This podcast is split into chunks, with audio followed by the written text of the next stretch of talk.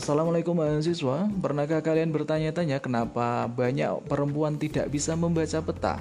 Dan kenapa pula mereka begitu suka berbicara? Bahkan ada riset yang menyatakan bahwa dalam satu hari perempuan bisa mengucapkan hingga 20.000 kata, sementara laki-laki hanya sekitar 7.000 kata saja. Nah, tentu tidak semua orang bersepakat dengan hasil riset ini. Beberapa riset yang lainnya menyatakan bahwa memang ada perbedaan kemampuan verbal antara laki-laki dan perempuan, tapi ya tidak sejauh itu. Tetapi intinya tetap perempuan memang lebih banyak berbicara dibandingkan laki-laki. Nah, laki-laki juga memiliki karakteristiknya sendiri. Misalnya ketika mereka sudah asik bermain game, fokus pada sesuatu, mereka seakan-akan terpisah dari dunia luar. Sudah enggak-enggak nyambung ketika diajak berbicara. Nah, dalam agama pun dinyatakan bahwa walaisa dzakaru kal unsa.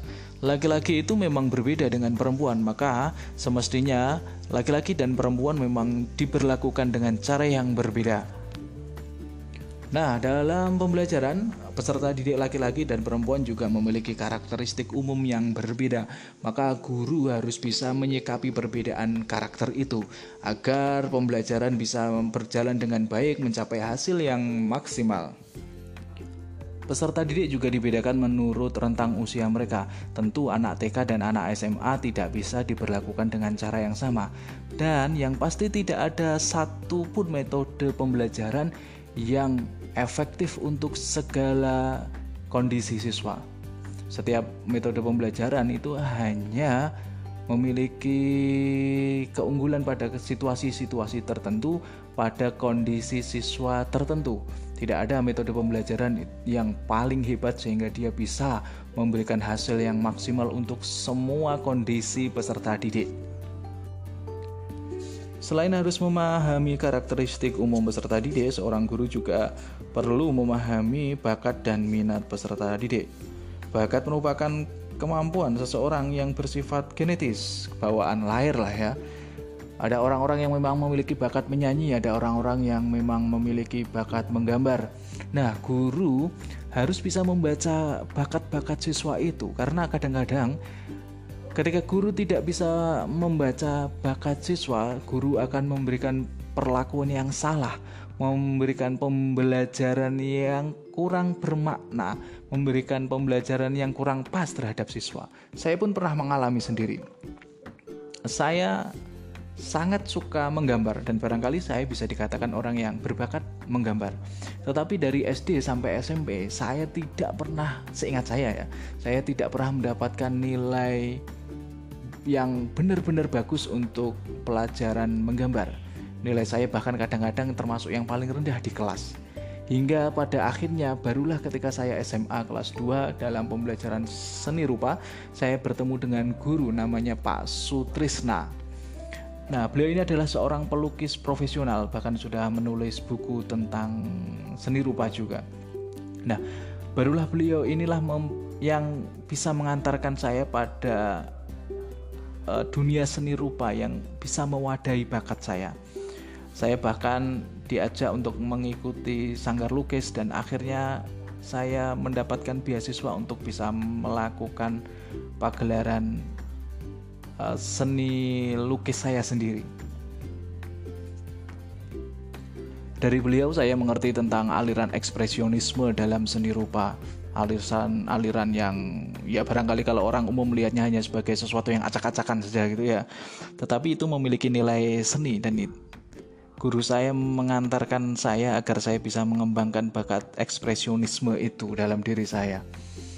Dan saya memang merasa benar-benar baru dihargai baru merasa ya saya menemukan guru yang tepat untuk apa yang saya inginkan gitu ketika bertemu dengan beliau. Beliau baru saja purna tugas tahun ini. Saya baru menghubungi beliau lewat WA dan mengucapkan terima kasih yang sedalam-dalamnya. Karena beliaulah orang yang membuat saya merasa berharga di dunia seni rupa. Ya walaupun pada akhirnya saya tidak menjadi seorang ahli di bidang seni rupa.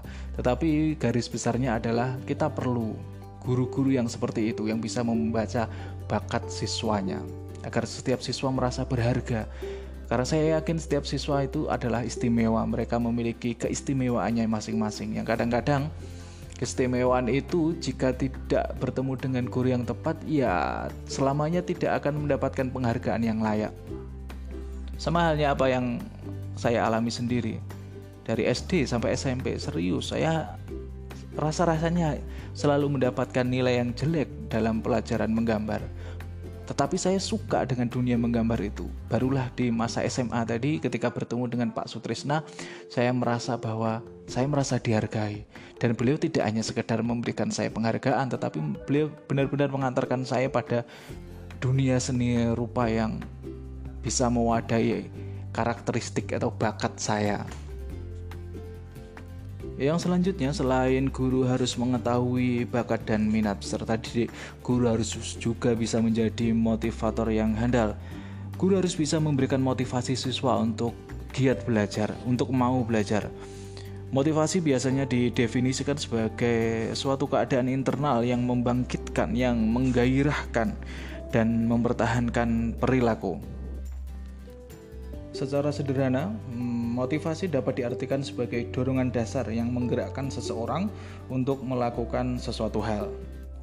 Nah, penting sekali guru memiliki kemampuan untuk memotivasi siswa agar mereka mau belajar. Untuk itu ada beberapa aspek penting terkait perencanaan pembelajaran yang perlu diperhatikan oleh guru. Yang pertama adalah rancang pembelajaran yang menarik, misalnya dengan melakukan aktivitas pembelajaran di luar kelas dan melibatkan semua peserta didik dalam situasi belajar. Kita barangkali memiliki pengalaman yang sama ketika belajar biologi, pernah disuruh untuk membedah kelinci untuk melihat organ-organ yang ada di dalamnya. Atau kita pernah disuruh mencari air di sawah untuk dites di bawah mikroskop dan disuruh untuk mencari amubanya sampai ketemu. Nah, hal-hal seperti ini adalah ke, contoh kegiatan-kegiatan yang menarik.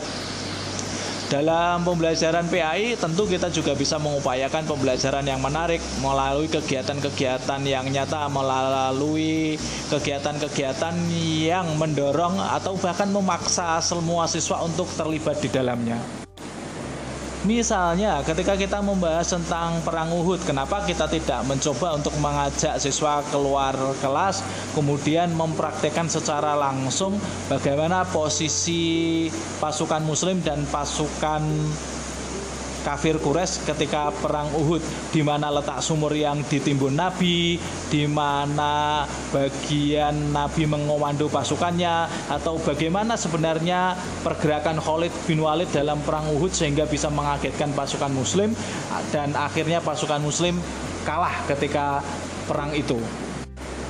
Nah, guru PAI mestinya juga bisa merancang pembelajaran yang menarik seperti itu tentu saja syarat utamanya adalah guru benar-benar menguasai materi yang ia sampaikan sehingga dia bisa mengembangkan, dia bisa memodifikasi penyampaian materinya. Tidak melulu seperti yang sudah-sudah. Guru PAI selalu digambarkan sebagai guru-guru yang membosankan, yang isinya cuma ngaji atau paling mentok ya cerita cerita pun tidak selalu cerita nabi-nabi banyak juga cerita uh, guru PAI yang datang ke kelas untuk cerita pernah diomeli istrinya atau curhat masalah sehari-hari Nah, sebelum saya juga ikut-ikutan untuk curhat masalah sehari-hari, mari kita lanjutkan ke aspek yang kedua. Yang perlu diperhatikan guru dalam menyusun perencanaan pembelajaran adalah pastikan rancangan pembelajaran itu dapat melibatkan semua peserta didik secara aktif serta bekerja sama dan saling membantu untuk mencapai tujuan pembelajaran. Yang ketiga adalah rancang pembelajaran menggunakan variasi model atau pendekatan atau strategi atau metode. Jangan sampai, sekali lagi jangan sampai menggunakan pembe metode pembelajaran yang monoton, yang itu-itu saja. Karena sehebat apa pun satu metode pembelajaran, kalau terus-menerus digunakan, pada akhirnya juga akan membuat peserta didik menjadi bosan. Pastikan memiliki referensi metode pembelajaran yang banyak sehingga setiap kali kita masuk kelas siswa akan merasa penasaran dan bertanya-tanya. Wah, kira-kira Bapak guru hari ini akan menggunakan metode apa lagi ya gitu. Kira-kira ibu guru kali ini akan menggunakan teknik pembelajaran seperti apa lagi ya? Nah, semakin banyak variasi metode pembelajaran atau model pembelajaran yang kita kuasai akan membuat siswa merasa tidak bosan dengan gaya pembelajaran yang kita sajikan. Yang nomor empat, ini adalah satu hal yang juga sangat penting. Pastikan guru bisa mengidentifikasi manfaat materi pembelajaran dan tunjukkan kepada peserta didik bahwa dengan mengikuti pembelajaran itu mereka akan mendapatkan manfaat tertentu yang itu penting bagi mereka. Sama halnya ketika saya mengajar mahasiswa, mengajar kalian, saya akan mengajak kalian untuk memahami dulu apa manfaatnya belajar ini saya akan tunjukkan dulu bahayanya ketika kita tidak menguasai mata kuliah ini. Betapa ketika calon pendidik, calon guru tidak bisa merancang pembelajaran dengan baik, dia akan mengalami kesulitan yang luar biasa ketika di kelas. Dan bagaimana data-data berdasarkan uji kompetensi guru menunjukkan bahwa ya guru-guru kita memang belum bisa membuat rancangan pembelajaran yang baik, maka mahasiswa harus bisa menguasai rancangan pembelajaran yang baik. Itu contoh bagaimana guru itu harus bisa menyampaikan kepada siswa bahwa dia perlu belajar ini karena manfaatnya ini. Dia perlu belajar fikih ini karena manfaatnya ini. Dia perlu belajar tentang uh, sejarah Islam yang begini begini begini karena manfaatnya ini. Nah, kenapa banyak siswa tidak suka belajar sejarah? Salah satunya adalah, lah ngapain saya belajar sejarah? Kan tidak ada manfaatnya. Kan itu sudah berlalu. Kan itu sudah terjadi di masa lampau, tidak terjadi sekarang. Nah, itu salah satunya ya. Nah, maka guru perlu bisa mengidentifikasi manfaat materi pembelajaran dan sekali lagi tunjukkan itu kepada peserta didik agar dia memiliki motivasi untuk belajar. Yang nomor lima adalah rancang pembelajaran yang dapat melibatkan emosi peserta didik. Saya pernah mengajar materi PAI untuk kelas 2 SMP. Saya memulai pembelajaran itu dengan bercerita yang sedih-sedih gitu sampai satu kelas itu matanya berkaca-kaca sampai ada yang benar-benar nangis di kelas itu sehingga emosi mereka sudah diaduk-aduk, sudah mengena. Kebetulan kelas yang saya ajar itu seluruh pesertanya adalah perempuan. Karena saya ngajar di sekolah yang kelas untuk laki-laki dan perempuannya dipisah. Nah, perempuan itu kan punya kecenderungan yang lebih sensitif hatinya gitu ya. Walaupun ada juga laki-laki yang hatinya lembut seperti saya misalnya gitu.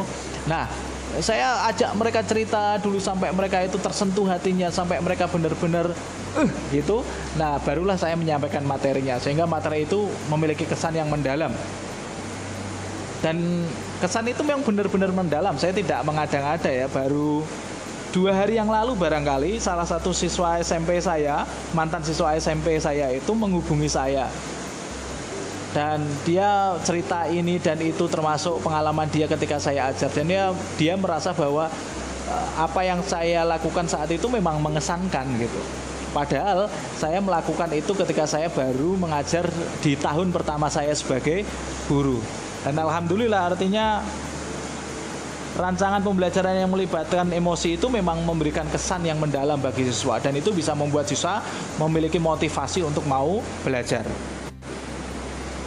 Yang nomor enam adalah rancang pengalaman sukses untuk peserta didik dengan kemampuan relatif rendah dan dengan motivasi yang relatif rendah. Ini penting.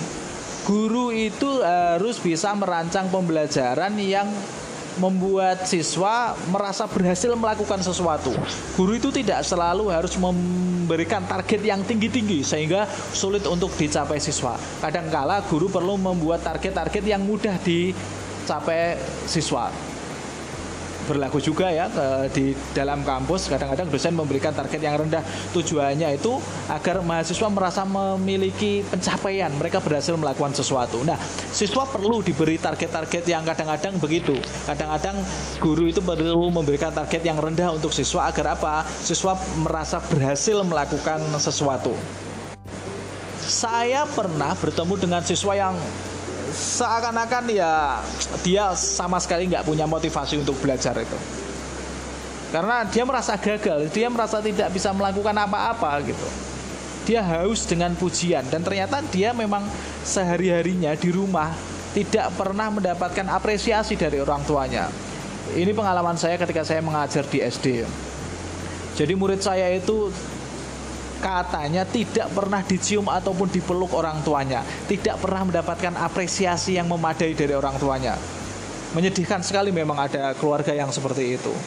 Nah, saat saya bertemu dengan dia, mengetahui kasusnya, maka saya memberikan apresiasi yang luar biasa kepadanya, memberikan banyak-banyak pujian kepada dirinya untuk hal-hal yang sebenarnya sederhana.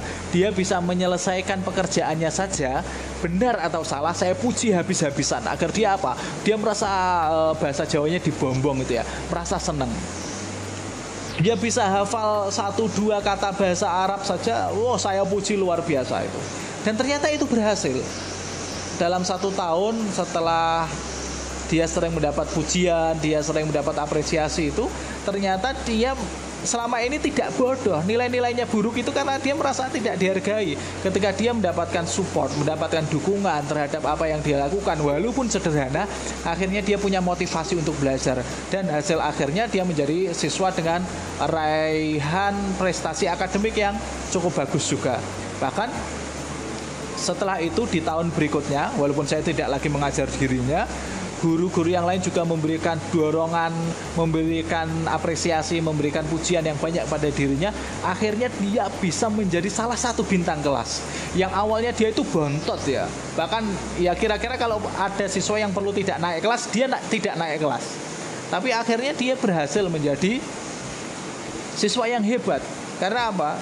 Dia memiliki perasaan dihargai setelah guru-gurunya mau memberikan pujian-pujian pada dirinya, memberikan target-target yang sederhana tapi membuat dia menjadi berharga. Tapi sifatnya hanya sementara ya, itu pancingan. Artinya tidak bisa kemudian guru terus-menerus memberikan target yang rendah terus. Rendah bertahap kemudian lebih tinggi, lebih tinggi, lebih tinggi akhirnya dia bisa expert. Dia bisa mencapai pencapaian yang luar biasa sebagaimana apa yang dicapai oleh teman-temannya, bahkan bisa mengungguli yang lainnya. Yang terakhir, rancang pembelajaran yang sesuai dengan kebutuhan atau minat anak. Ini penting. Minat anak apa atau kebutuhan anak apa itu perlu difasilitasi oleh guru untuk berkembang tetapi juga tidak dengan meninggalkan tujuan pembelajaran itu. Artinya guru itu harus peka, harus bisa mengantarkan pembelajaran itu, pembelajaran yang dia sampaikan sesuai dengan kebutuhan dan minat anak. Ya, guru memang harus kreatif. Bagaimana mengolah pembelajaran itu, mengembangkan materi-materinya agar sesuai dengan kebutuhan dan minat anak. Oke, lanjut ke aspek yang berikutnya. Setelah kita berbicara tentang karakteristik umum, kemudian bakat dan minat, motivasi. Yang selanjutnya perlu kita perhatikan ketika membuat perencanaan pembelajaran adalah intelijensi. Nah, intelijensi merupakan konsep yang belum disepakati pengertiannya secara tunggal. Tapi ya kira-kira bisa kita um, alih bahasakan menjadi kecerdasan gitu ya. Nah, intelijensi ini menjadi aspek yang perlu diperhatikan oleh guru Apabila kelas itu terdiri dari peserta didik dengan intelijensi yang tinggi, maka guru bisa mengambil pembelajaran yang lebih tinggi, bisa membuat pembelajaran yang expert gitu ya, yang tidak seperti kelas pada umumnya. Kebetulan dulu ketika kuliah maupun sekolah saya juga uh, mengikuti kelas unggulan atau kelas khusus yang memiliki target pembelajaran yang berbeda dari kelas yang reguler. Dan memang kadang-kadang pembedaan seperti itu perlu. Sebagai contoh ya, ketika SMP saya juga mengikuti kelas unggulan. Nilai terendah di kelas kami itu bisa menyamai nilai tertinggi di kelas yang lain atau hampir sama lah gitu. Itu menunjukkan bahwa memang ada kesenjangan kadang-kadang dan guru tidak boleh menyamaratakan antara siswa dengan intelijensi yang tinggi dengan siswa dengan intelijensi yang biasa-biasa saja ataupun rendah. Karena nanti kalau disamaratakan akhirnya tidak maksimal semuanya. Uh, peserta didik dengan intelijensi yang tinggi sekali akhirnya tidak bisa berkembang dengan baik. Siswa dengan intelijensi yang rendah sekali juga tidak bisa mengikuti. Maka guru itu harus bisa membuat perencanaan pembelajaran yang mau bisa mewadahi tingkat intelijensi peserta didik. Tentu dalam kelas itu memang ada keanekaragaman, tetapi guru harus bisa menyikapi itu dengan baik, tidak kemudian ya. Ya, inilah salah satu contoh pentingnya perencanaan pembelajaran dengan model pembelajaran yang tidak sekedar ada gitu loh. Yang benar-benar harus memperhatikan kondisi peserta didik termasuk tadi kondisi intelijensi peserta didik. Selain intelijensi yang penting juga diperhatikan guru adalah gaya belajar siswa.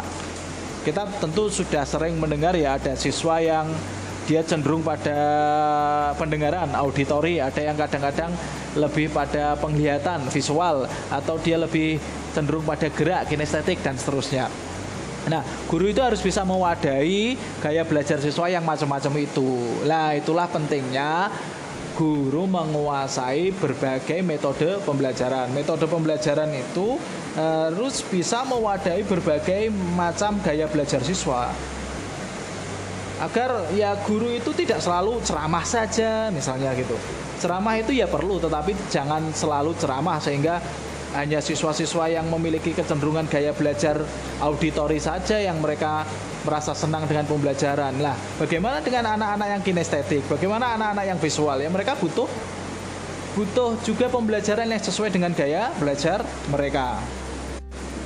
Hari ini saya, nampaknya saya agak menggebu-gebu ya menyampaikan materi karena memang membahas peserta didik itu adalah sesuatu yang menyenangkan. Dan kalian akan merasakan sendiri betapa bertemu dengan peserta didik yang beraneka macam itu adalah sesuatu yang menantang bagi guru.